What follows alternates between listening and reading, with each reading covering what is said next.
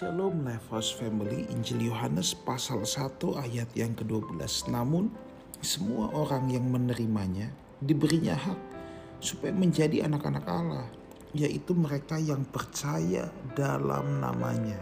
Saudara, sadarkah bahwa kita memiliki privilege, saudara? Kita memiliki hak istimewa.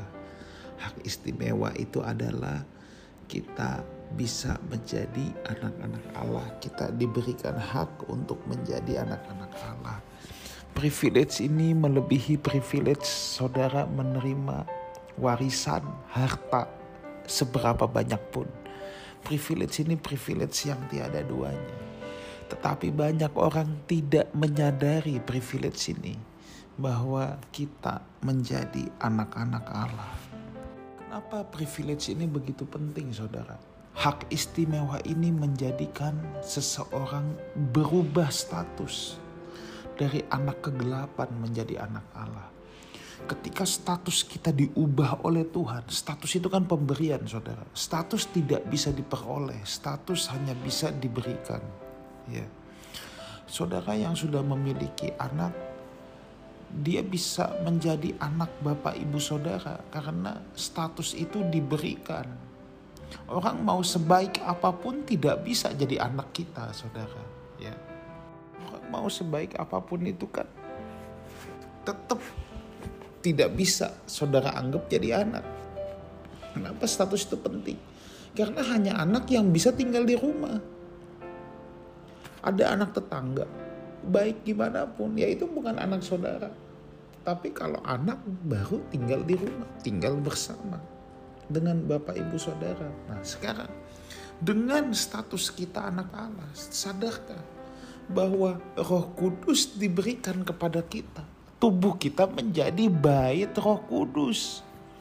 Roh Kudus tinggal menetap itu dalam dalam hidup kita, dalam tubuh kita. Makanya ini menjadikan status itu luar biasa. Kalau bukan anak Allah, Roh Kudus tidak bisa tinggal di sana. Nah Bapak Ibu sekarang kalau status kita anak Allah sudah sepantasnya kerinduan kita juga adalah rumah Tuhan. Kerinduan kita adalah menyenangkan hati Bapak kita.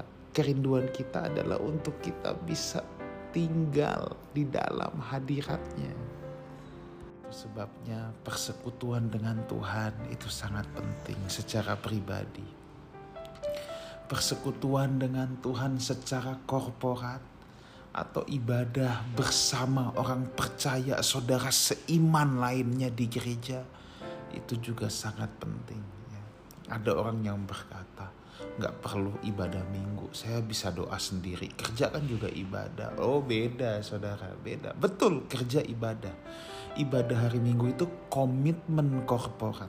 Itu punya perannya masing-masing, punya berkatnya masing-masing. Makanya dalam kitab Ibrani juga dikatakan janganlah menjauhkan diri dari pertemuan ibadah atau pertemuan orang percaya. Nah, kita punya komitmen korporat karena kita bagian dari tubuh Kristus. Kita nggak berdiri sendiri, saudara. Bisa bayangkan kalau jempol kita gerak sendiri, jalan sendiri, terlepas dari tubuh kita. Wah, itu menyakitkan, saudara. Kaki kita maunya berjalan sendiri nggak bisa kita diikat oleh satu tubuh ada komitmen korporat nah sementara rumah tangga kita itu juga rumah Tuhan hidup kita sendiri juga adalah baitnya Tuhan nah semuanya ini dijaga kalau kita anak-anak Allah baik komitmen korporat baik rumah tangga kita baik hidup kita nah, pekerjaan adalah tempat kita melayani dunia untuk kemuliaan Tuhan. Nah, itu dia konteksnya pekerjaan tuh itu. Kita melayani dunia bagi kemuliaan Tuhan. Tetapi kalau saudara sedang ada di gereja dalam komitmen korporat tadi, saudara saling melayani sesama anggota tubuh Kristus. Nah, tetapi saudara kembali lagi, sadari dulu bahwa kita nih sudah diberikan hak untuk menjadi anak Allah. Nah sekarang tinggal kita implementasikan dalam hidup kita sehari-hari dalam pekerjaan kita, rumah tangga kita, dan komitmen korporat kita terhadap sesama anggota tubuh Kristus. Tuhan Yesus menyertai kita semua. Amin.